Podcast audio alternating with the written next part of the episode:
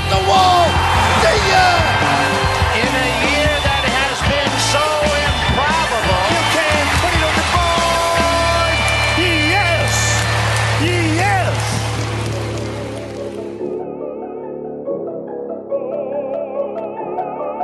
Het was opening week in de majors en wat voor één. Het was de week van de rainouts in Chicago en Boston. De week waarin drie keer een pitcher een home run sloeg. Minnesota 4-1 is. Seattle en Texas niet weten te winnen. De gevreesde Royals bullpen een puinhoop is. Philadelphia 12 runs scoorde in de eerste inning tegen de Nationals. Clayton Kershaw van alle werpers de meeste home runs tegenkreeg. En Baltimore ongeslagen bleef. Kortom, er is genoeg te bespreken in deze aflevering van Sport Amerika's Just a Bit Outside. De enige echte Nederlandstalige MLB-podcast. Het is maandag 10 april. Welkom bij episode 4. Onze vaste host Justin Kevenaar is deze week vrij. Mijn naam is Jasper Roos en ik kijk deze week met twee collega-redacteuren van Sport Amerika naar het belangrijkste nieuws in de majors. Ook vandaag weer Mike van Dijk Hey Jasper. en Lionel Stuten. Ah, Jasper. Heren, van harte welkom. Aflevering 4 van Just a Bit Outside. Here we go.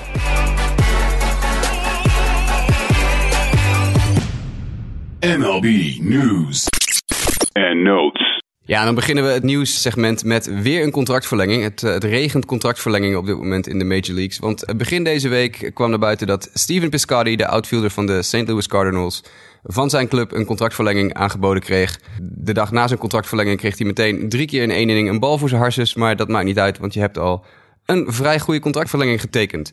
Lionel, wat eh, kan je ons vertellen over Steven Piscotty en zijn nieuwe contract? Ja, Steven Piscotty blijft zes jaar langer bij de Cardinals. Hij gaat daar eh, 33,5 miljoen dollar mee verdienen. Eh, je ziet hierin, vorige week hadden we het natuurlijk al over uh, Jadier Molina, die blijft. En je ziet dat dit echt het beleid is van de Cardinals. Hè, waar het de laatste jaren een beetje populair is geworden in de MLB. Om na een slecht seizoen gelijk je hele roster eruit te gooien en te gaan rebuilden. Kiezen de Cardinals ervoor van, nou ja, vorig jaar was het niet wat we hadden verwacht. Maar we blijven vertrouwen houden in dit team. En uh, we, eerder hebben ze natuurlijk al bijvoorbeeld uh, Matt Carpenter en dergelijke hebben ze verlengd. Om op die manier uh, het team bij elkaar te houden. En de, dit, dit past daar helemaal in. Zie jij Steven Piscotty als een, een building block voor de Cardinals? Of heb je zoiets van, nou dit is gewoon van, we, heb, we hebben nu even niks beters. Want de miners zijn wat leeg, dus zullen we maar zorgen dat we hem een paar jaar langer goedkoop binnen de deur kunnen houden. Nou ja, vorig jaar uh, een, uh, een batting average van 2,73, 22 home runs en 85 RBI's. Ik denk dat uh, dat voor, voor, voor iemand binnen die Cardinals organisatie helemaal niet slecht is. En ik denk dat zij daar ook zo naar kijken. Want wij willen nog wel langer met deze jongen doorgaan op deze manier. Ja, talentvolle speler natuurlijk. Mike, wat zijn jouw meningen over Steven Piscotty? Ja, uh, goede cijfers, trending upwards, jonge speler, zeer talentvol. Ik, uh, ik kan wel begrijpen dat ze willen verlengen. Ik vind het wel opvallend als je kijkt naar de core die ze nu uh, voor langere tijd hebben vastgelegd. Ook Colton Wong onder andere en Carlos Martinez. is het beleid wel van de Cardinals nu dat ze steeds voordat de spelers free agent worden. Ik geloof dat Piscotty nog drie, vier jaar had voordat hij free agent zou worden. Nu al een contractverlenging aanbieden. Dus dat vind ik op zich wel interessant om te zien hoe dat zich de komende jaren gaat uitbetalen. Ja, je ziet het steeds meer in de majors. Hè. De, de contracten worden af, afgekocht eigenlijk. Arbitration years worden uitgekocht. Uh, clubs gokken erop dat een speler meer gaat verdienen in arbitration... dan zij hem kunnen aanbieden in, uh, uh, nu, om nu een contract aan te bieden. Dus hè, de, de White Sox deden het met Tim Anderson. De Cardinals doen het al jaren met inderdaad, wat je zegt, Colton Wong en Carlos Martinez ook. Het pakt ook wel eens verkeerd uit, hè? want waar Martinez duidelijk de raket omhoog gevonden heeft... is Colton Wong helemaal niets waard de laatste anderhalf seizoen. Nee, nee dat is absoluut waar. Dan kwam er ook interessant nieuws uit Miami, waar de Miami Marlins in de uitverkoop zijn gegaan. Uh, Jeffrey Loria, de supervillain-eigenaar van de Miami Marlins, uh, is door uh, president Donald Trump gevraagd om ambassadeur in Frankrijk te worden. Dan mag hij geen zaken meer hebben, dus ook geen honkbalclubs mogen tot zijn inboedel behoren. Dat betekent dat de Marlins in de uitverkoop staan. En er zijn interessante namen naar voren gekomen die interesse hebben in het kopen van deze club, Lionel. Ja, klopt. Uh, dit speelt natuurlijk al een tijdje, al sinds uh, begin dit jaar. In eerste instantie was het idee om de club dan aan uh, de familie van Jared Kushner, de schoonzoon van Donald Trump, te verkopen. Maar dat mag ook niet. En daardoor zijn er nu drie partijen die geïnteresseerd zijn in de club. Eén partij is geformeerd rondom Derek Jeter, de oudster van de New York Yankees. Dan is er een partij geformeerd rondom Jeb Bush, de jongere broer van George Bush en de rivaal van Donald Trump in de afgelopen presidentsverkiezingen. En dan is er nog een derde partij waar nog niet specifiek een gezicht voor naar voren is geschoven. En deze drie partijen hebben alle drie interesse om de club over te nemen. En ze worden ook alle drie gesteund door grote banken. Zo wordt Derek Jeter wordt gesteund door de Morgan Stanley Group. Bush wordt gesteund door Citigroup. En de derde partij wordt gesteund door Goldman Sachs. Ja, interessante dingen zijn dat. Uh, denk je dat uh, Jeter alleen maar interesse heeft in de Miami Marlins omdat hij zelf ook in Florida in de buurt van Miami woont? Of zitten daar andere gedachten achter? Nou, Jeter heeft altijd zijn actieve carrière altijd aangegeven dat zijn ultieme doel was om een team te bezitten. Um, welk team maakte hem daarbij eigenlijk niet zoveel uit. Ik denk wel dat wat je zegt inderdaad, dat hij natuurlijk roots heeft in Florida. Of dat hij daar zich in ieder geval thuis voelt. Dat het hem wel heel goed uitkomt dat de Marlins nu uh, op de markt zijn. Ja, stel je voor, uh, Mike, jij kon de Miami Marlins kopen. Wat zou het eerste zijn wat je zou doen met deze organisatie?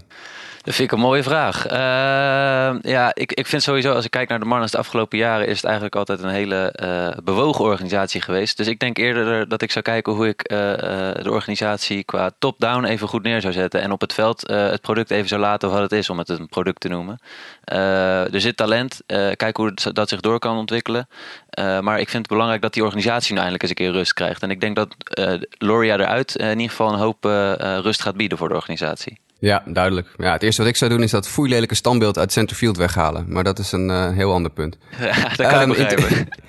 Intussen uh, is er ook uh, nieuws uh, bij de New York Mets vandaan. Helaas is Justin vandaag vrij, dus die kan niet gaan meepraten over zijn, zijn New York Mets.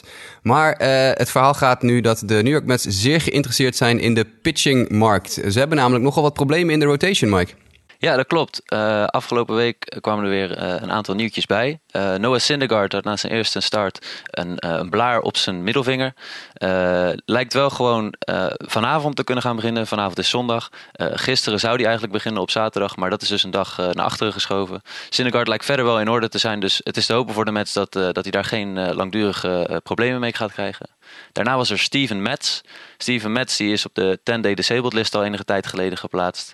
Uh, hij heeft een klein heeft last van zijn uh, flexor tendon issue. In ieder geval zo is het gedefinieerd. Vorige week beschreef, uh, beschreef Jasper al wat dat voor Drew Smiley betekende. Die is op de 60D disabled list geplaatst door Seattle. Mets heeft in ieder geval een second opinion gekregen. En daarvan hebben ze gezegd, zijn, elbow, zijn elleboog is in ieder geval structurally sound. voor nu is hij in ieder geval shut down en proberen ze hem weer opnieuw op te bouwen late April. Hij moet springtraining weer opnieuw beginnen. Dus wanneer hij terugkomt is nog een beetje onduidelijk. Uh, tot slot is er nog Seth Lugo. Die heeft een partial tear in zijn UCL.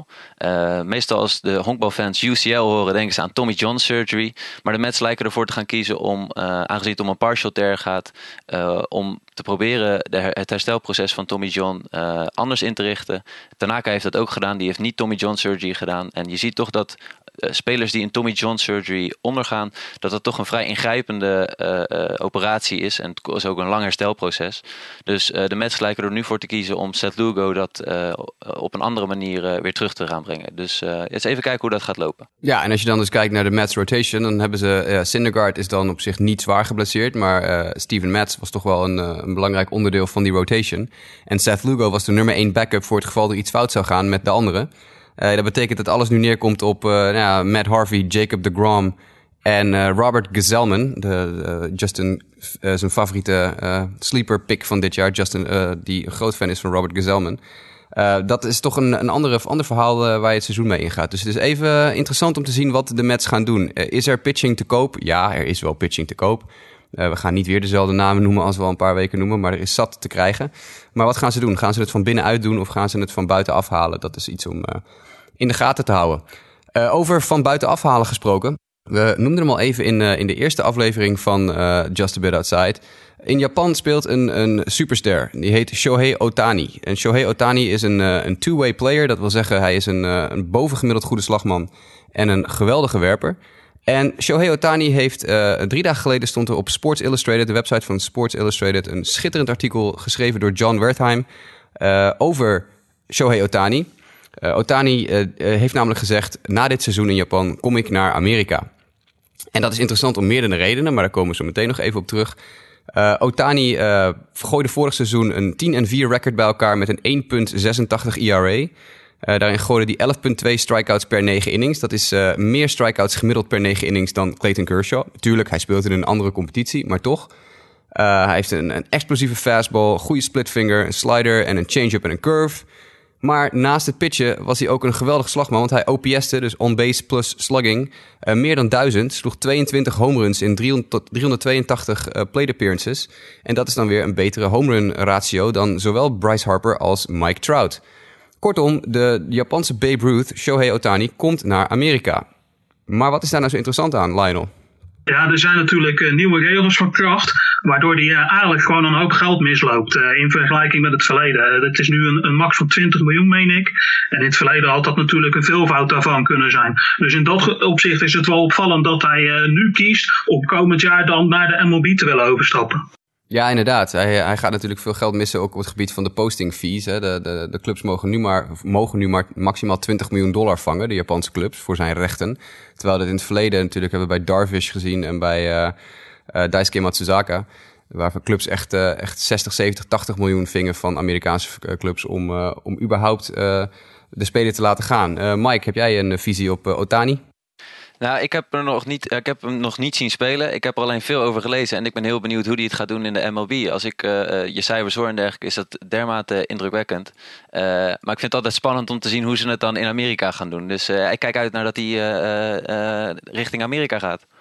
Ja, je moet sowieso kijken. Hij is natuurlijk iemand die graag wil pitchen en wil slaan. Hij heeft al aangegeven dat hij een voorkeur heeft voor een American League team. Want dan kan hij één dag per vijf dagen een wedstrijd starten op de heuvel. En de andere dagen kan hij als DH uh, lekker meeslaan. Uh, dus wat dat betreft zijn de American League clubs dan weer wat interessanter voor hem dan een, uh, een National League club. Eén probleempje. Otani raakt wel eens geblesseerd. hij heeft namelijk al meerdere DL-stints erop zitten. Hij heeft de WBC gemist met een blessure. hij is nu net zaterdag weer op de DL geplaatst in Japan. Nu met een hamstring blessure. Dus uh, er, is, er is toch wel iets met zijn fysiek aan de hand. Het schijnt wel een hele serieuze jongen te zijn. Het artikel van Wertheim geeft dat ook heel duidelijk aan. Hij leeft in een heel klein appartementje, neemt eten mee van de club, gaat met de taxi van de club naar, de, naar het stadion en naar huis, heeft geen auto's, leeft van ongeveer 1000 dollar per maand. Dus uh, hij leeft echt voor zijn sport. Dat pleit dan weer voor hem. Maar zijn blessureperikelen, die zijn toch... Uh, ja, die moet je in de gaten houden. Dat vind ik wel weet, sowieso interessant. Als je, uh, we hebben natuurlijk niet heel veel van die two-way players op dit moment. is dat dan iets wat, wat daar ook bij komt kijken? Dat je daarin ook blessuregevoeliger bent? Of in ieder geval dat je veel meer van je lichaam vraagt. ik ben benieuwd hoe, daar, hoe dat zich gaat ontwikkelen. Ja, het is fascinerend. Hij schijnt heel veel aan yoga te doen. Dus je moet ook maar even kijken of dat positieve functie heeft of niet. Maar er zijn natuurlijk. Nou, nou, is hij ook iemand die graag veel wil spelen. Dit was bijvoorbeeld te zien uh, rondom de World Baseball Classic. Toen bekend werd dat hij niet kon pitchen, bleef hij wel heel lang vasthouden aan het feit van ja, dan kom ik toch gewoon als DH kom ik mee. En op het laatste moment hebben ze besloten om dat niet te doen. Maar dat ja, was eigenlijk tegen zijn zin in. Het is gewoon een jongen die heel graag wil. Ja, ja. Ja, absoluut. En het wordt steeds interessanter om te kijken. We hebben natuurlijk de laatste jaren zo nu en dan wel eens een, een ster uit. Uh, de Japanse league de stap zien maken. Yu Darvish, Matsuzaka, Hideki Matsui. Uh, en zo zijn er nog wel een paar. Maar uh, Otani is niet de enige die interessant is wat dat betreft. Want volgens mij, Lionel, had jij nog een andere naam die op dit moment in de gaten gehouden moet worden? Nou ja, ook iemand die uh, niet op de WBC actief was, helaas. Maar waar wel heel erg veel uh, ogen op gericht zijn, is Takuya Nakashima van de uh, Nippon Ham Fighters. Ook een, een, een infielder is dit. Is een hele goede speler ook. En dan is er nog iemand die op de World Baseball Classic wel excelleerde. Dat was Ryosuke Kikuchi. is ook iemand waar veel naar gekeken wordt. Dit zijn jongens die in de toekomst misschien ook wel een overstap naar de MLB gaan maken. En daar ook wel eens hoge ogen kunnen gaan gooien. Ja, Japan heeft wat dat betreft uh, zit het nog steeds meer in de lift. Het is natuurlijk al de nummer twee competitie in de wereld na de Major Leagues. Maar het, uh, het wordt steeds interessanter om te zien welke spelers die sprong uh, goed kunnen, succesvol kunnen maken. Um, ja, dan heb je het over successen. en dan hebben we natuurlijk week 1 van de majors achter ons. En dan is het hoog tijd om te kijken naar welke spelers er wel een succes geboekt hebben. En welke spelers er een minder goede week doorgemaakt hebben. Laten we gaan kijken naar week 1.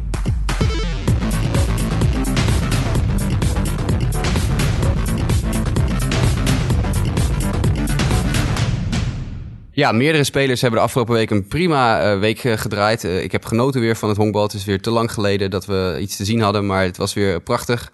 Ik heb met buitengewoon veel plezier, ondanks dat hij de White Sox volledig erover legde, naar Justin Verlander's curveball gekeken. Dat ding is toch een, een, een, thing of beauty. Maar zo zijn er nog wel meer mensen geweest die interessante dingen hebben gedaan in deze week. Heren, wie hebben jullie gevonden? Ja, uh, wat mij gewoon opviel, wat ik zag, uh, was nou, negatief. Laat ik beginnen met iets negatiefs. Dat was uh, mijn voorspelling vorige week dat Masahiro Tanaka de Cy Young zou gaan winnen in de American League. En in wedstrijd 1 werd hij eigenlijk compleet weggeslagen. Hield de 2.2 innings vol, uh, 7 runs tegen, 8 hits en slechts 3 uh, drie strikeouts. Uh, dat viel mij ook wel redelijk rauw op het dak. maar het seizoen is nog lang. wie mij positief opviel was Nomar Mazzaro van de Texas Rangers. Die een Grand Slam sloeg onder andere. Twee home runs in de eerste week, 9 RBI's. en Texas die op zich een stroeve start beleven. Maar dat was wel een van de hoogtepunten voor mij. Ja, en, uh, en, niet alleen Mazzara bij Texas, want ook uh, Joey Gallo, die natuurlijk invalt bij uh, de Rangers voor Adrian Beltre, die op de DL is. En Rooknet Odor, die twee home runs sloeg in zijn eerste wedstrijd van het seizoen. Ja, maakt de contractverlenging alleen maar de moeite ja, waard. precies. De, de mensen in Texas zullen zich wel in hun handjes knijpen. Um, Lionel, wie had jij nog gezien deze week waar je even aandacht aan wil besteden? Nou ja, waar ik altijd graag naar kijk is uh, spelers die mij kunnen verbazen. En als ik zat te kijken, ik heb uh, gekeken naar Phillies tegen Nationals. En daar zag ik uh, Howie Kendrick, zag ik drie hits noteren, vier RBI's. ik zag Michael Sanders, zag ik drie hits en twee RBI's neerleggen. En daar, daar werd ik wel heel erg blij van als ik dat dan kan zien. Ja, sowieso interessante wedstrijd. 12 runs in de eerste inning voor Philadelphia. Dat was echt een, uh, een slachting, die, die wedstrijd. Franchise record las ik. Ja, ja. klopt ja. Nee, dat is echt, uh, het, was, uh, het was een heel bizarre wedstrijd. ja, ik, ik wil nog even kort stilstaan bij... ja, ik, ik hamer de, de, de behoorlijk op Milwaukee Brewers de laatste tijd. Maar ehm, Travis Shaw van de Milwaukee Brewers in zijn eerste paar wedstrijden... vier doubles en een home run... Uh, de Brewers draaien uh, een beetje uh, medium. de ene dag is het heel goed, de andere dag is het heel slecht. De, de, de aanval doet het redelijk goed. Maar Shaw met vier doubles en een home run is toch wel, wel fascinerend om te kijken hoe hij die stap nu maakt nadat hij door Boston verkocht was aan de Milwaukee Brewers afgelopen winter. Zeker, ook hij maakte op dag 1 echt wel gelijk een indruk voor, voor Milwaukee volgens mij. Ja, ik denk wel dat ze er nu ook steeds meer een plekje proberen te geven in de line-up. Het was eigenlijk de bedoeling dat hij de, de ene helft van een platoon zou zijn. Maar hij, hij krijgt steeds meer speeltijd. Dus dat uh, ja, is terecht. Zolang hij slaat, moet je hem laten slaan, lijkt mij. Ja, en een andere naam die jij ook noemde bij Milwaukee, die inmiddels ook redelijk uh, opgewarmd is, is uh, die Eric Thames. Ja, die, die doet het vrij aardig. Ik, ik weet niet of hij het vol gaat houden, maar zijn, zijn eerste stap lijkt vrij, lijkt vrij goed te zijn verlopen. Um, en dan heb ik nog een interessante uh, boulevardnieuwtje. Daar moeten we er even over hebben. Heren, wie wil even iets zeggen over Tim Tebow? Goed punt. Nou, ik, ik moet zeggen, ik, ik wil er best wat over zeggen. Uh, uh, ineens was daar het eerste at-bat in de minor leagues van Tim Tebow. En hij sloeg de bal in één keer over de hekken. Dat was toch wel ja, bewonderingswaardig, vond ik. vervolgens had ESPN gelijk een, segmentje met hem. En kwamen de typische Tim Tebow teksten eruit van uh, ik, ik werk er hard voor, ik doe mijn best. En uh, uh, jullie zouden geen speler harder zien werken dan in de minor leagues dan ik om, om mijn best te doen. En iedere dag het beste aan mezelf naar voren te halen. ja, ik vond het wel, ik vond het wel een positief, positief bericht. En ja, ik, ik, ik, ben benieuwd hoe hij zich verder gaat ontwikkelen. Ik, ik denk niet dat hij uiteindelijk de Major League gaat halen. maar goed, voor nu levert het voor de minor leagues in ieder geval wel weer publiciteit op. Nou ja, het fascinerende is natuurlijk precies zoals je zegt. Ik denk niet dat hij het gaat halen. Maar dat is dus ook wat je nu een beetje krijgt. Het is een paar keer heeft hij iets laten zien waarvan je denkt van nou, dat is wel aardig. En hij heeft ook een paar keer gehad dat je denkt van nou, wat sta jij daar nou te doen? Dus niemand weet eigenlijk echt precies waar ze nu met hem aan toe zijn. En of het nou een Major League speler gaat worden. Of dat die roemloos straks aan de, via de zijdeur verdwijnt. En dat is wel heel interessant om te zien. Ja, ik had, ik had zelf als ik... Uh, ik, ik, heb al, ik was, toen ik klein was, verhalen van Mike uit het verleden. Nee, eh, toen ik klein was, uh, was ik een groot fan van Michael Jordan in basketbal. En die ging toen ook honkballen. En uiteindelijk uh, is hij natuurlijk een, een, een double A minor leaguer volgens mij geworden. Die best wel ook wel wat home runs heeft geslagen. Ja, in hoeverre gaat Tim Tebow ook zo'n carrière tegemoet als honkbalspeler? Hij heeft in ieder geval heel veel plezier in wat hij doet. En wat dat betreft moedig ik hem alleen maar aan. Ga gewoon lekker doen wat je doet en heb daar plezier in. En zolang hij die kans krijgt, begrijp ik volledig dat hij daarvoor gaat. Hij had totaal niet door dat hij een home had geslagen. Die, eh, ik heb het, het, fragmentje even gekeken. Hij, ja, hij sloeg die bal uh, opposite, opposite field naar het linksveld. En ja, het was waarschijnlijk, dat hij net over de muur heen. En toen stond Thibaut op twee en toen bleef hij stilstaan. Toen moest de, de veldscheidsrechter even naar hem toe lopen om te zeggen... Hey, je moet nog twee honken, jongen. Je bent nog niet klaar. dus dat was dan wel weer een, echt een typisch eh, Tim Tebow momentje. Maar ik bedoel, ja, ik bedoel, uh, good for him. Uh, goed dat hij dat, dat hij dat voor elkaar heeft. Laten we die, die zooi maar uit de weg krijgen. Ja, en als je dan toch over de minor leagues hebt, is het misschien wel even interessant om te kijken naar. Hè, er is heel veel geschreven en gedaan over de, de minor leagues de laatste paar maanden. Er is heel veel grote trades geweest. Uh, en de supersterren van morgen, uh, onder andere Johan Moncada, uh, die aan een echt een blistering start doormaakt in AAA op dit moment. Ik geloof dat zijn slaggemiddelde iets over de 800 is na de eerste vier wedstrijden. En de Charlotte Knights, de AAA Charlotte Knights, die tegenstander naar tegenstander er met uh, 10 runs verschil bovenop leggen. Dus het zou best kunnen zijn dat mijn voorspelling dat uh, Moncada pas eind juni komt niet helemaal waar blijkt te zijn. Want als hij zo door blijft slaan, dan kunnen de White Sox niet om hem heen. Dan zal hij er sneller zijn dan, uh, dan we verwacht hadden. Maar ja, naast, naast spelers die het heel goed gedaan hebben in de eerste week, hebben we ook absoluut wat problematische gevallen gezien. En dan hebben we het in dit geval voornamelijk over de pitcher-problematiek. Wat moeten we ons zorgen maken over, nou, ik noem maar even een rijtje namen, uh, die, die slechte eerste weken, een slechte eerste week doormaakten. Uh, Tanaka, Quintana, Corey Kluber, Noah Syndergaard, Junior Guerra, Julius Chassin, uh, Hugh Darvish, Rich Hill. nou ja, en dan hebben we nog de situatie rond Carlos Rodon, waar we zo meteen nog even op terugkomen. Maken wij ons zorgen, heren, om, laten we beginnen, Masahiro Tanaka. Nee, ik niet. Um, hij begon heel slecht op opening day. Het zag er niet uit. Maar als ik, gisteren dan kijk hoe hij uh, zich herstelt tegen, in de wedstrijd tegen de Orioles. Het is nog niet de Tanaka in topvorm. Maar je kan wel zien dat hij niet een heel erg dramatisch seizoen tegemoet lijkt te gaan. Het, is, het, het was gewoon een, een, ja, zo'n dag zit er wel eens tussen lijkt het wel. Uh, zoals het op opening day ging. Dus ik maak om Tanaka in ieder geval geen zorgen. Nee, maar ja, je ziet wel inderdaad bij de Yankees dat uh, alles draait om, om Tanaka in grote mate. En dat is toch, uh, als die zijn dag niet heeft, dan heb je dan wel een klein beetje een probleem als, uh, als team. Um, datzelfde geldt in zekere mate voor, voor Jose Quintana. Ik heb natuurlijk de laatste weken behoorlijk de, de trommel geslagen voor Jose Quintana. En die kreeg behoorlijk om zijn oren op de eerste wedstrijd, in de eerste wedstrijd van het seizoen tegen de Detroit Tigers. Drie home runs tegen, zes runs. maar ja, goed, dan kijk je naar Quintana's geschiedenis tegen de Tigers. de Tigers zijn een eh, een ploeg die veel flyballs uh, slaat. Uh, Quintana speelt in een klein stadion. Heeft in zijn carrière een ERA van meer dan vijf tegen de Detroit Tigers. Dus ik denk dat dit gewoon weer een typisch Quintana tegen de Tigers wedstrijdje was. En dat hij zijn volgende start, die zal zondagavond zijn geloof ik, beter voor de dag zal komen. Het is natuurlijk wel voor de, voor, voor de, voor de White Sox aangelegen dat hij uh, zo snel mogelijk zijn vorm laat zien die hij heeft.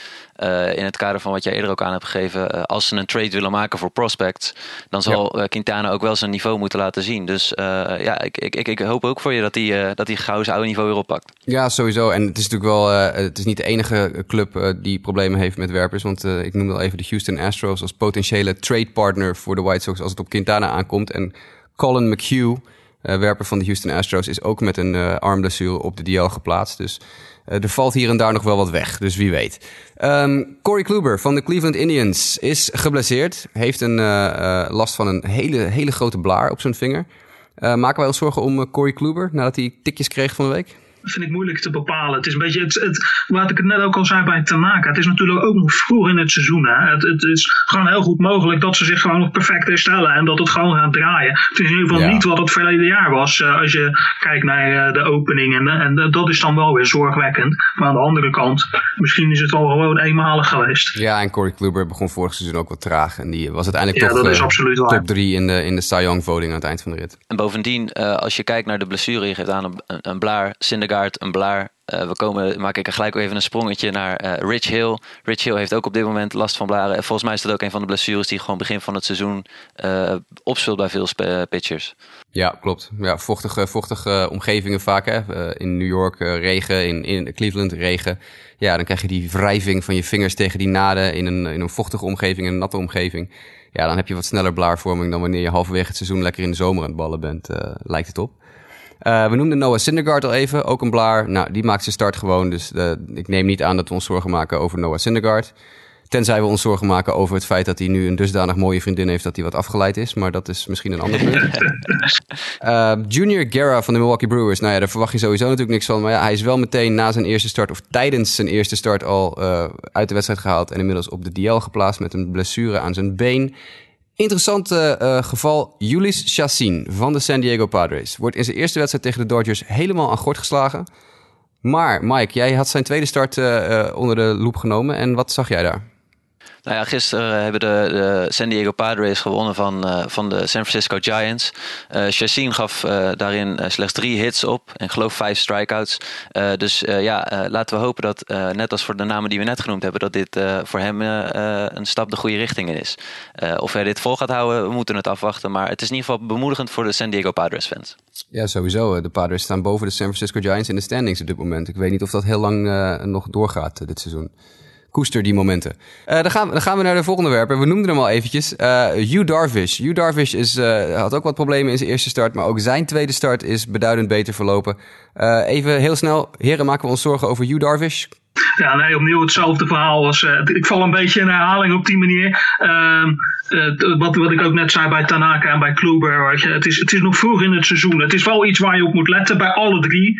Maar het, eh, het, hoeft niets te zeggen over hoe het seizoen gaat lopen. Hugh Darvish uh, speelt volgens mij ook uh, in, een, in een seizoen voor contractverlenging. Of tot goed heb, weten jullie dat? Ja, dus Hugh Darvish zal ook moeten presteren. En uh, ik, ik, ik verwacht ook wel dat hij in ieder geval alles eraan gaat doen om het beter te doen dan dat hij tot nu toe heeft gedaan. Nou, het enige waar we bij ja. Darvish ons even, even bij stil moeten staan... is het feit dat hij natuurlijk van een zware blessure terugkomt. Maar ja, hij, ja, hij is goed genoeg om dit weer te rechten, lijkt mij. Of heb je daar andere ideeën over, Mike? Nee, ik ben het volledig met je eens. Ik heb Darvis hoog zitten. En uh, ja, ik, ik, uh, ik denk ook dat hij gewoon een heel goed seizoen gaat beleven. Ja. Nou ja, Rich Hill naar de DL werd al even gezegd. En dan is daar nog het nieuws rondom Carlos Rodon, de linkshandige superster in wording, hopelijk voor de White Sox. Die uh, uit springtraining kwam met een bicep blessure. Uh, in eerste instantie was zijn herstelperiode gezet op twee weken. Dat is nu al bijgesteld naar zes weken. En er zijn wat zenuwen in Chicago dat het een schouderblessure zou betreffen. Want uh, de bicep zit natuurlijk aan de schouder vast. En op het moment dat je last van je bicep hebt, kan het ook nog wel eens een keer een schouderblessure worden. En dat is voor pitchers vaak funest. Kijk maar naar jongens als uh, John Danks en Jake Peavy, die na een schouderblessure nooit meer hetzelfde zijn geweest. Um, dus dat is wel even iets wat we in de gaten moeten houden.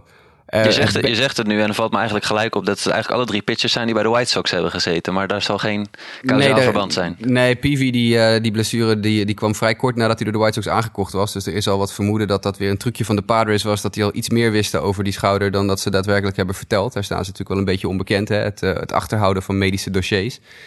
Um, nee, ja, en, ja, en Denk zat gewoon een, een schouderblessuretje. De trainer van de White Sox, Herm Schneider, is vorig jaar geïnterviewd. En die zei toen wel van ja, schouders, dat zijn wat dat betreft. Ellebogen zijn makkelijk, zegt hij. Tommy John, huppakee, weten precies waar we aan toe zijn. Uh, je precies, je, gaat, je snijdt die armen open, je verandert wat en het is een, jaar later zijn ze er weer. Zeg maar schouders, dat, daar kan zo verschillende, zoveel verschillende dingen kunnen daarmee mis zijn. En dan moet je hem openmaken, die schouder. En dan zie je pas wat er aan de hand is. En dan moet je ter plekke gaan improviseren om te kijken wat gaan we repareren, hoe kunnen we het repareren. En dan is het altijd nog maar de vraag hoe dat gewricht uh, zich herstelt. Dus wat dat betreft zijn, uh, ja, zijn schouders toch bij werpers uh, een, een, moeilijkere materie dan ellebogen, lijkt het wel. Ja, maar ik denk dat dat ook komt. Een schouder heeft natuurlijk sowieso al drie punten: een voorkant, een bovenkant, een achterkant. Het staat veel meer in verbinding met de rest van het lichaam dan een, dan een elleboog. Dus ik geloof wel dat dat een stuk moeilijker is om dat soort dingen goed onder controle te houden. Ja, dat denk ik ook, zeker. En dat zie je ook steeds meer. Hè. Werpers die schouders, schouderblessures hebben, die hebben ook veel meer moeite om die snelheid weer terug te krijgen. Tommy Johners, Tommy Johners kunnen die snelheid vrij snel weer terugkrijgen. Het is bij Tommy John altijd het probleem van de controle terugkrijgen. Dat duurt vaak wat langer. Maar bij schouders is het vaak dat de controle er wel is, maar de snelheid uh, niet meer terugkomt. Uh, je zag dat bij John Danks, om even hem als voorbeeld te nemen. Die ging van een 4,95 mijl per uur fastball naar een 89 mijl per uur fastball na zijn schouderblessure. Dus uh, dat, dat is vaak het probleem. Uh, kan, je, kan je je snelheid terugkrijgen? Nee, waarschijnlijk niet. Dus dan moet je een andere werper worden. En dan ben je ineens minder effectief. Um, maar over snelheid gesproken. Uh, er was een interessant punt op, op Fangraphs, de website Fangraphs, eerder deze week. want er is iets aan de hand met pitchersnelheden. En daar gaan we na de break even een blik op werpen.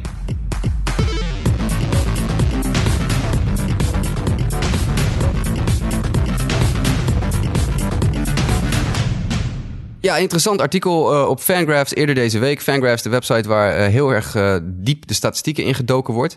Fangraphs heeft een aantal jaar geleden onder andere de Pitch Effects stat bijgehouden. Pitch Effects was een statistiek waarbij de snelheid waarmee de bal door een werper geworpen werd bijgehouden werd. en daar hebben we dus jarenlang onze gemiddelde snelheden op gebaseerd. Dus als je denkt van nou oké, ik weet dat deze werper 95 mijl per uur gooit ongeveer. Dan kwam dat waarschijnlijk bij Pitch Effects vandaan. Maar er is nu een veranderingetje ingekomen en daardoor uh, zijn er ineens wat verschuivingen geweest in het landschap wat betreft de snelheden waarmee werpers gooien. Uh, Lionel, wat kan jij daarover uh, over delen? Ja, ehm, de MLB is overgestapt op het, het, het StatCast systeem ook voor pitchingsnelheden uh, als, als meetinstrument. En daardoor zien we bij heel veel pitches inderdaad verschuivingen, sommige tot wel een, een, een mijl of meer omhoog. Een, een, een, voorbeeld is Justin Verlander, die 0,8 mijl per uur omhoog is gegaan. Steven Strasburg is 0,9 mijl per uur omhoog gegaan. Um, en dat, dat, dat, dat leidt nogal tot wat verwarring onder, onder de fans vooral ook en onder de volgers, hoe dat ineens zo kan. Ja, gooit, een, gooit een werper ineens sneller inderdaad, of, of is het een, een, een, een meetfoutje? Dat juist, is een beetje de vraag. Juist. Het verschil zit hem in de manier waarop gemeten wordt. In het verleden werd uh, met, met Pitch of X werd, uh, gemeten vanaf afstand met een, uh, een hoe, noem, hoe noem je zo'n ding, sorry? Een speedgun. Een, een speedgun, ja, sorry, ik was even het, woord kwijt. Um, daar, daar kon nogal wat afwijkingen in zitten. En tegenwoordig wordt er gemeten met de Trackman radar. En die meet vanaf het moment dat de bal uit de hand komt. Waardoor dus um, op een andere manier die berekening wordt gemaakt. Ja, vroeger werd er inderdaad gekeken naar de, de bal die op 50 à 55 feet van de thuisplaat was. Uh, en dan is de bal natuurlijk al een beetje langzamer. Uh, op het moment de bal is natuurlijk altijd op zijn snelste punt wanneer die uit je hand komt. En dan naarmate hij door de lucht snijdt, wordt hij steeds minder snel. Uh, en inderdaad, door het, het, opmeten van de bal die uit de hand komt, uh, ben je een fractie eerder met de meting. En heb je dus uit, eigenlijk altijd automatisch een snellere meting. Zoals van de week ook bij Madison Bumgarner te zien was van de San Francisco Giants. Die uh, ook gewoon ruim een mijl per uur harder gooide dan die normaal gesproken gemiddeld gooit. Het is dus niet zo dat hij harder gooit, lijkt het hierop. Het is gewoon een kwestie van we meten ietsje eerder. Dus de bal is nog op topsnelheid wanneer we meten. Mm -hmm. uh, maar ja, de keerzijde van de medaille is dat uh, niet iedereen gooit harder. Want in uh, diezelfde wedstrijd waarin Baumgartner gemeten is, daar zijn, ik geloof, 12 werpers gemeten. 11 daarvan gooiden harder, variërend van 0,2 mijl per uur harder tot 1,1 mijl per uur harder. Maar er was één grote naam die gewoon 2 mijl per uur zachter gooide. Mike, wie was dat? Dat was Zach Greinke. En wat was er aan de hand? Wat, wat, wat, moeten, we hier, wat moeten we hier nu uit, uh, uit opmaken? Ja, het is interessant uh, om te zien wat daar gebeurd is. Uh, eigenlijk al de hele spring training zijn er geruchten dat de, de velocity van Zach Greinke aan het afnemen is. dat was vorig jaar ook al zo. dus wat dat betreft niks nieuws. Maar Inside the Zona een van de blogs uh, over de Arizona Diamondbacks uh, is daar ook even ingedoken. Zijn, uh, Greinke is 33 jaar. zal dit jaar ook het hele jaar het seizoen doorgaan als 33-jarige. hij staat nu in het tweede seizoen van een zesjarig contract. En heeft in de afgelopen jaren natuurlijk de nodige workload opgebouwd. Veel innings gelokt. dus heeft ook al de enige aan ervaring. maar je ziet wel dat zijn snelheid van, van zijn fastball jaarlijks aan het afnemen is. Dus dat is iets om in de gaten te houden. Nou moet gezegd worden dat je wel ziet bij Greinke in zijn cijfers uh, en zijn gemiddelde over de maand heen. Dus als je naar zijn carrière kijkt en iedere maand wat is de snelheid van zijn, uh, van zijn fastball. Zie je wel dat dat in maart, april eigenlijk altijd aan de lage kant is. En gewoon, volgens mij is dat gebruikelijk bij pitchers, bouwt dat ook steeds meer op. Dus in augustus, vooral in augustus en juli wordt er een stuk harder gegooid door Zack om de context even weer te geven, Greinke heeft dit jaar de vrijheid gekregen van de Diamondbacks om zelf te bepalen wanneer hij begint met zijn throwing program. En hij is daar dit jaar wat later mee begonnen. Dus het is in die zin niet verrassend om te zien dat hij wat zachter gooit. Uh, in ieder geval zijn er veel media die daar wel een groot verhaal van maken. En het is altijd wel iets om in de gaten te houden, want het kan natuurlijk zijn dat er nog iets anders achter zit. Maar ja, ik zelf hoop in ieder geval dat het, uh, het meevalt en dat het gewoon een kwestie is van dat Greinke steeds meer op moet warmen naarmate het seizoen voordat. Ja, en de kwestie die je natuurlijk een beetje in de gaten moet houden is op het moment dat Zach Greinke door het nieuwe meetsysteem geklokt wordt op een, een gemiddelde mindere snelheid van nou ja, tussen de halve mijl per uur en de 0,8 mijl per uur. Uh, dan moet je daar dus eigenlijk nog bijna 1,1 mijl per uur bij optellen, die die langzamer gooit, vanwege uh, de discrepantie tussen de twee systemen. Dus op het moment dat, Gra dat Granky op 91,5 mijl per uur geklokt wordt in 2016 en één keer op 90,8 in 2017, uh, is het dan is het verschil, dan moet je dus eigenlijk gewoon nog een mijl per uur bovenop tellen. Dus dan gooit hij gewoon 3 mijl per uur langzamer dan we vorig jaar gemeten hebben. Ja. Dit is ook de reden waarom de MLB hierop overstapt overigens. Hè. Ze willen dat in de toekomst iedereen dezelfde data voor alle stadions, voor alle pitches gebruiken. Nu, het is wat je net al zei Jasper. In het verleden stond, uh, stond uh, de speedgun op 50, 51, 52, 53 voet. Was per stadion verschillend. En daardoor kreeg je dus ook verschillende metingen. En met dit systeem moet er één meting voor alle ballparks komen. Ja, dat is op zich natuurlijk prima. Het wordt allemaal gekoppeld aan wat je al noemde, de Trackman radar. Uh, dus inderdaad, alle statistieken worden wat dat betreft gelijk getrokken. In het verleden had je wel eens commentatoren die zeiden van ja, we spelen in een stadion met een, een hot gun vanavond, want iedereen gooit ineens veel harder. Nou, dat had dus meer te maken met het feit hoe die gun afgesteld stond, waar die de bal oppikte. En niet zozeer met daadwerkelijk de, de snelheid van de pitch. Uh, je ziet natuurlijk bij sommige werpers wel die, die de switch maken van startende werper naar relief pitcher. Bijvoorbeeld Jorge de la Rosa van de... Diamondbacks. Diamondbacks, sorry. Ja, dankjewel. Die natuurlijk zijn hele leven lang zo'n beetje starting, is starting pitcher is geweest bij de Colorado Rockies. En nu ineens een reliever is bij de Diamondbacks. die gooit nu dus gewoon drie mijl per uur harder. Uh, en is daarmee de, de werper met de meeste vooruitgang. Maar ja, die kan ook nu ineens een stuk harder gooien. Want hij hoeft geen vijf innings. Hij hoeft maar één inning. En waar je natuurlijk als startende werper vaak even wat voorzichtig bent met je snelheid. Omdat je niet al je kogels wil verschieten in de eerste twee innings. Kan De La Rosa nu gewoon helemaal uh, losgaan en lekker lopen smijten. Uh, dat zie je ook bij, bij Anthony Swarzak. Die vroeger bij de Twins, Yankees en nu bij de White Sox speelt. Die gooit ineens in plaats van 93 mijl per uur 98 mijl per uur. Maar ja, hij is nu een reliever. Dus nu kan hij gewoon voluit pompen en er gewoon voor gaan. Dus dat gecombineerd met de, de wijziging in, in de Trackman-radar... Uh, is wel iets om in de gaten te houden. En, en Granky is dan wel een, een interessante testcase om te kijken van... ja, gaat hij inderdaad weer bijtrekken, wat jij al zegt, Mike? als ja. het seizoen vordert, wordt hij inderdaad weer beter. Gaat hij weer harder gooien. Want hij heeft die snelheid ja. wel nodig om effectief te zijn. Nou ja, het interessante vind ik wel. Greg is altijd wel, uh, wordt in de uh, media en uh, ook door andere spelers wel beschouwd als iemand die echt wel zelf ook een beetje een, ja, wordt hier nou ook wel een beetje een nerd genoemd. Omdat het echt wel een slimme jongen is die echt ook zelf diep de data induikt en manieren zoekt om zelf effectief te zijn. Dus ik ben benieuwd of hij ergens in zijn pitching dit ook weet te verbergen en er dus eigenlijk omheen aan het werpen is. Maar gisteravond heeft hij in ieder geval goed geworpen, de win binnengehaald dus, en was hij vrij dominant. Dus ik hoop dat hij die lijn doorzet. Ja, bij Fangraphs hadden ze ook een ander artikel geschreven over Granky onder andere. En over deze situatie van de, de, de langzamere pitches. En toen vergeleken ze hem met, uh, met drie andere werpers uit de majors. Met Marco Estrada, die uh, met het nieuwe systeem 1,2 mijl per uur van zijn fastball kwijt is. En onze grote vriend uh, Masahiro Tanaka, die ook 1,2 mijl per uur van zijn fastball kwijt is. Um, en dan geven ze aan van die drie werpers weet Granky toch nog wel het beste hoe die een goede pitcher moet zijn. Omdat hij uh, goed rondom de plaat kan gooien. Dus ook als hij, als hij wat snelheid kwijtraakt, dan zou hij eventueel, als hij die aanpassing weet te maken, nog wel succesvol kunnen zijn. Um, maar goed, dan, dan heb je het over uh, vergelijkingen met FIP, Fielding Independent Pitching. Dat is een veel te ingewikkelde materie om nu te bespreken. Dat kunnen we misschien later nog wel een keer doen. Maar... Bovendien betekent dit ook echt dat er daadwerkelijk snelheid kwijt zou zijn. En dat het niet veel te maken heeft met de manier van meten. Precies, ja, inderdaad. Dus dat maakt het alweer een heel ander verhaal. Dan zou er iets anders aan de hand zijn dan dat er een nieuw systeem is ingevoerd met deze drie pitches specifiek. Precies, ja, inderdaad. Dus dat zijn wel interessante ontwikkelingen om te blijven volgen wat dat betreft. Uh, hoe gaat MLB om met de statistieken? Het, het nieuwe MLB Statcast uh, sowieso voor fielding is al echt geweldig om te zien.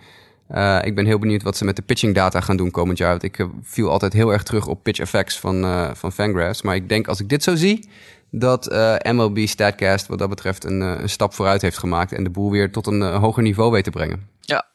overigens, Sam Dyson van de Texas Rangers, ook zo'n werper die problemen had met MLB Statcast deze week met zijn snelheid. En die werd twee keer echt helemaal van de heuvel gebeukt.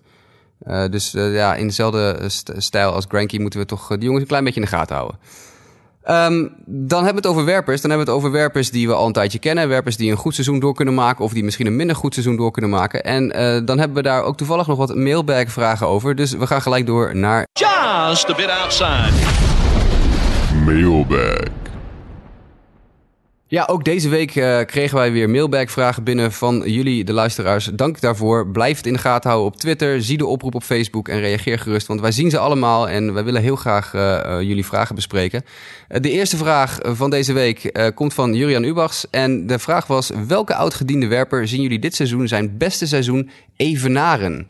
Ja, dan is het natuurlijk ingewikkeld van hoe ga je oud-gediende uh, kwalificeren? Is dat iemand die al heel lang in de league zit of iemand die oud is en uh, een paar jaar langer gedaan heeft over zijn doorbraak? Ik denk in dat geval aan een Rich Hill.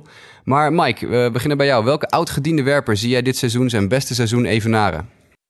Ja, het lastige wordt gewoon steeds meer naarmate je ouder wordt om, het, uh, om je oude niveau echt te evenaren. Uh, maar ik gewoon even respect voor de, de spelers die op leeftijd nog steeds in de MLB spelen. Ik heb hier het lijstje van een aantal 40-plussers voor me staan. Bartolo Colon, die de afgelopen jaren steeds wel een klein stapje achteruit doet. Maar nog steeds in de, bij de Mets in ieder geval een, een effectieve pitcher was. 15 wins, 14 wins, 15 wins. Dat zijn toch indrukwekkende cijfers. En als je ook kijkt naar het ERA, dat zit dan rond de 3-5, 3-8. En 3-9. ja, dat is gewoon een, een effectieve MLB-pitcher. Ik denk ook dat Bartolo dit jaar, in ieder geval ik hoop het, ik, ik zit onder de bandwagon, dat hij dit jaar die lijn door weet te trekken. Maar ja, om een aantal namen te noemen wat dan oudgediende pitchers zijn in mijn ogen. Brad Ziegler, goede reliever. Zeker effectief nog. Rich Hill, die je zelf al aangeeft, wel blessuregevoelig. Verwacht ik eigenlijk ook veel van.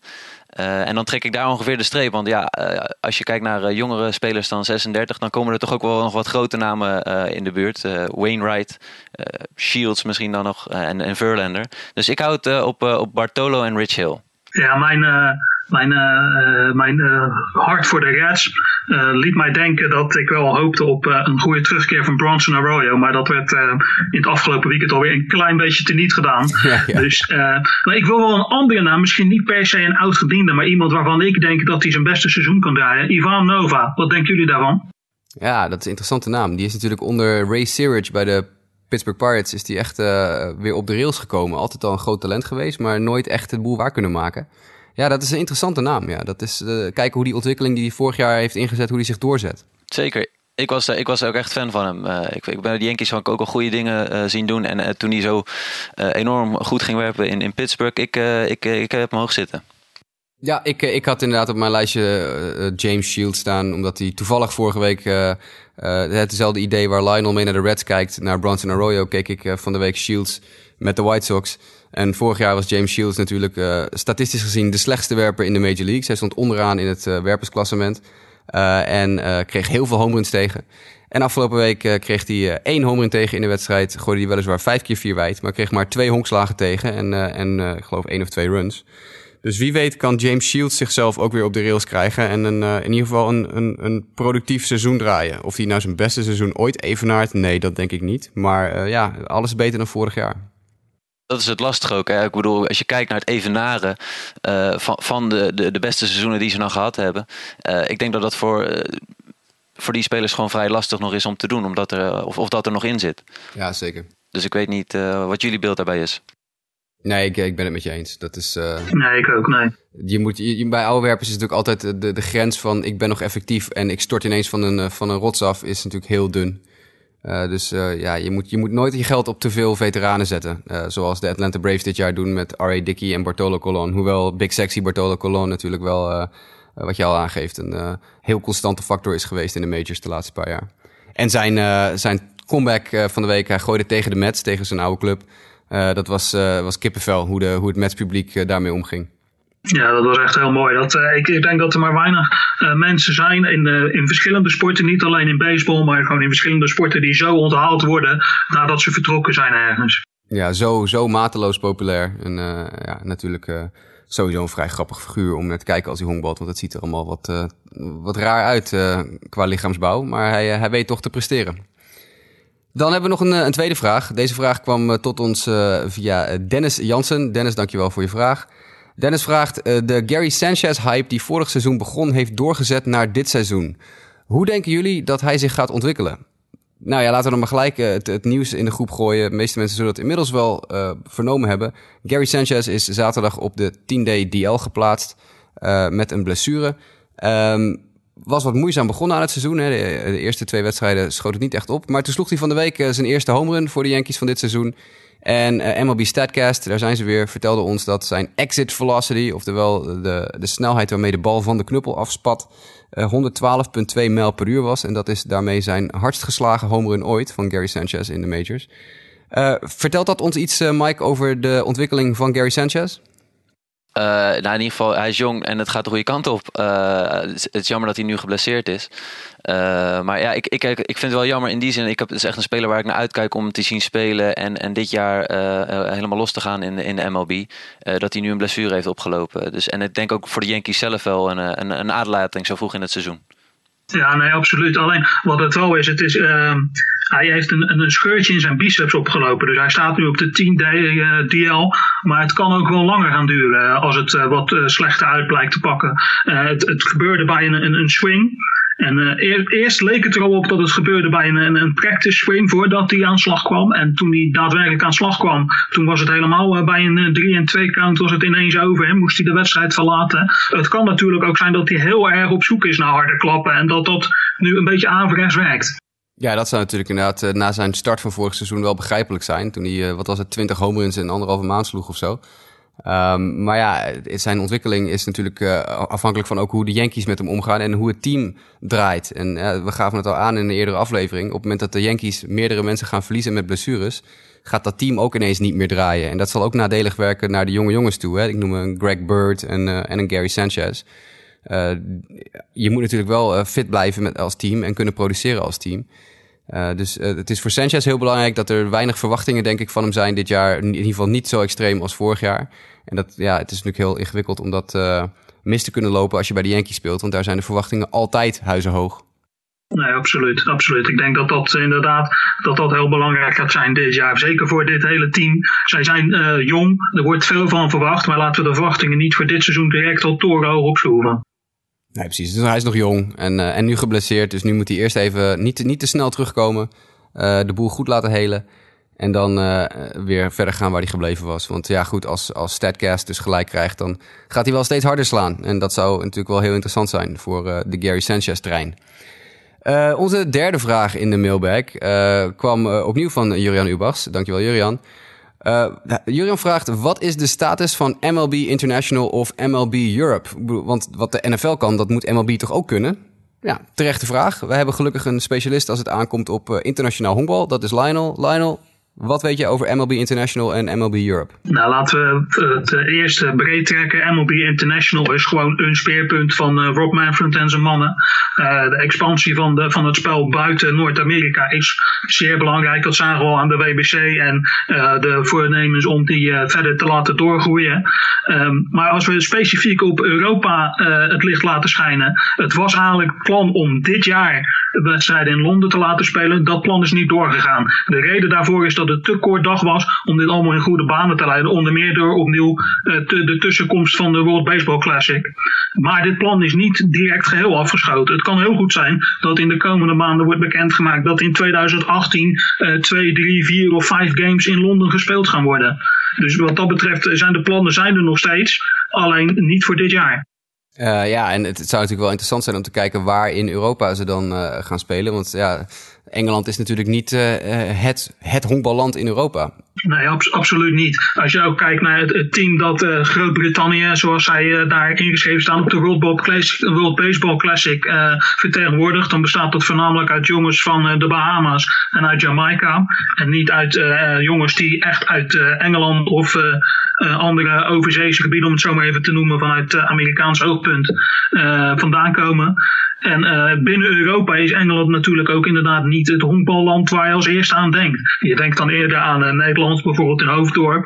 Of je denkt aan, uh, aan, aan Duitsland. Je denkt zeker ook aan Italië en misschien ook aan Tsjechië, waar meer honkbal in, in de gemeenschap te vinden is. Ja, wat dat betreft lijkt MLB toch een beetje aan te sturen op hetzelfde als de NFL doet. Die natuurlijk elk jaar al een paar keer per seizoen uh, naar Londen komen en in Wembley spelen. Maar ik denk toch dat de markt voor de NFL in Engeland groter is dan de markt voor de Major League. Dus ik denk dat ze daar nog even goed over na moeten uh, denken. Absoluut. Je ziet ook bijvoorbeeld de NBA kiest heel erg voor Spanje. Wat ook logisch ja. is, omdat in Spanje een grote basketbalcultuur is. Dus voor hun zou het ook geen nut hebben om, uh, noem maar eens wat, naar Ahoy te komen. Want in Nederland is die basketbalcultuur gewoon wat minder groot. Ja, absoluut jammer, maar ja, zo is het wel. Je moet natuurlijk tactische, tactische keuzes maken wat dat betreft. Als je een organisatie bent die aan uitbreiding wil doen van de herkenbaarheid van je sport. Absoluut. Uh, dat was de mailbag. Dank jullie voor, voor je vragen, heren. Uh, zeker weten ook, uh, laat ze doorkomen. Houd in de gaten op Facebook en Twitter, want wij horen graag jullie vragen en beantwoorden ze dan. en dan ja, komen we alweer bijna aan het einde van deze aflevering. Aflevering 4 van Just a Bit Outside, de MLB-podcast van Sport Amerika. Uh, week 1 is in de box. Dat wil zeggen dat we naar week 2 toe gaan. Nog even een snel rondje langs mijn beide analytici. Uh, heren, week 2. Wat zijn de wedstrijden of de series waar jullie naar uitkijken? Beginnen we bij Mike. Ik kijk deze week heel erg uit naar vrijdagavond uh, Braves die een home opener spelen in hun nieuwe SunTrust Park tegen de San Diego Padres. Leuk nieuw stadion, ziet er goed uit. Uh, met wat interessante dimensies. In die zin dat in het rechtsveld er een kleine brick wall is van bakstenen. Een kleine, dus als een, uh, een bal erop geslagen wordt waar die dan heen gaat, is wel interessant om te zien. Een speciale water feature, een watervalletje in het middenveld. En nog een brouwerij die dagelijks nog wel eens nieuwe bieren gaat schenken. Ik ben benieuwd hoe dat de fan experience daar gaat zijn. Dus daar ga ik naar kijken. Ja, de teams doen dat steeds meer. Hè? Die zijn op zoek naar inderdaad craft beer of speciale hapjes en drankjes. Ik zag, dit is, heeft niks te maken met die series, maar ik zag dat de Seattle Mariners nu geroosterde of gedeepfriede sprinkhaan op het menu hebben staan in hun stadion.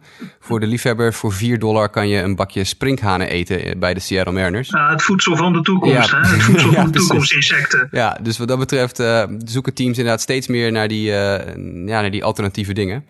Uh, de Braves dus, ja, SunTrust Park. Ben ook benieuwd. Lionel, waar kijk jij naar uit deze week?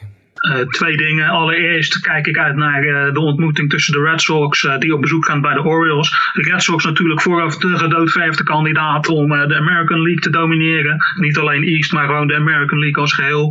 En wat blijkt, de Orioles vliegen uit de startblokken en staan bovenaan. Die twee gaan elkaar komende week ontmoeten. Ik ben benieuwd welke kant dat op gaat.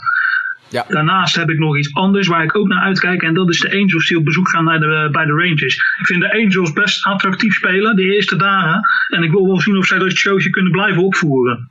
Ja, dat is een team waar ik geen pijl op kan trekken, inderdaad, eh, de Angels. Dat, uh, dat kan allemaal een stuk beter uitpakken dan ik van tevoren gedacht had. Of het slaat helemaal nergens op wat ze doen, inderdaad. Um, ja, ik kijk vooral uh, uit naar de series tussen ja, de Cubs en de Dodgers. Uh, natuurlijk een playoff preview eigenlijk voor, uh, voor het eind van het seizoen. Waarschijnlijk twee teams die toch wel verwacht, uh, die ik verwacht dat, dat ze de playoffs gaan halen. Als het al niet als allebei divisiewinnaar is, dan is het met een van de twee met de wildcard. dus ja, komende week spelen de Dodgers en de Cubs tegen elkaar. En ik ben erg benieuwd wat, wat we daarvan gaan zien. Wie wint de serie? ik heb de pitcher previews niet voor me, maar zonder dat ik weet wie er gaan starten, zeg ik de Cubs. Maar dat is een gokje. Daarmee zijn we aan het einde gekomen van deze aflevering van Just a Bit Outside. Even een korte dienstmededeling nog. Vorige week berichten we al even over de uh, problematiek tussen aanleidingstekens met SoundCloud. Dat betekent dat deze aflevering deze week niet op SoundCloud te vinden zal zijn.